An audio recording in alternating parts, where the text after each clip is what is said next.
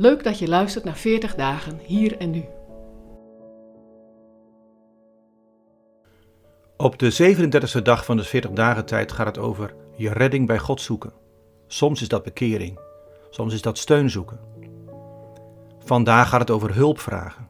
Een bijdrage van Peter Wiedegaan met als titel Heer, red me. Misschien herinner je je nog dat in 2015 er een kleine rel was binnen de EO. Voor een Holy Soda reclame had Arie Boomsma namelijk over water gelopen.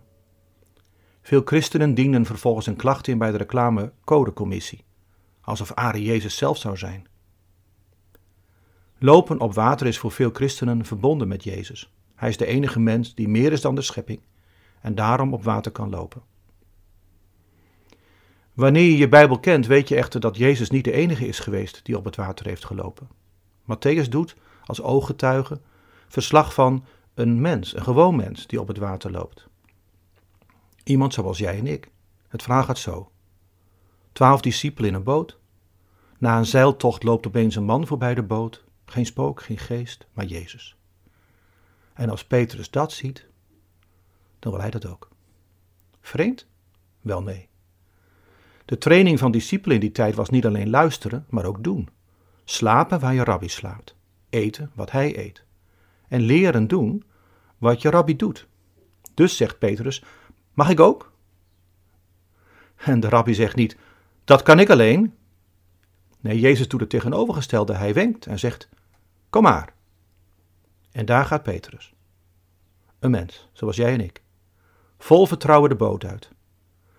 Ik zie het zo voor me, met ogen groot van verbazing. Een paar stappen doen en dan opeens je eigen sandalen zien en dat golvende oppervlak. En hem zien denken: Maar dit kan ik helemaal niet. Dit kan niet. En daar gaat hij.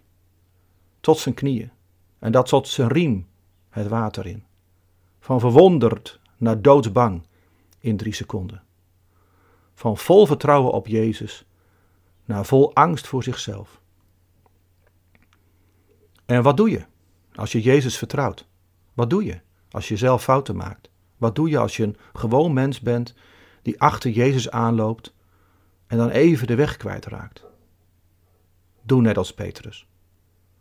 Niet langer naar jezelf kijken of naar je omgeving.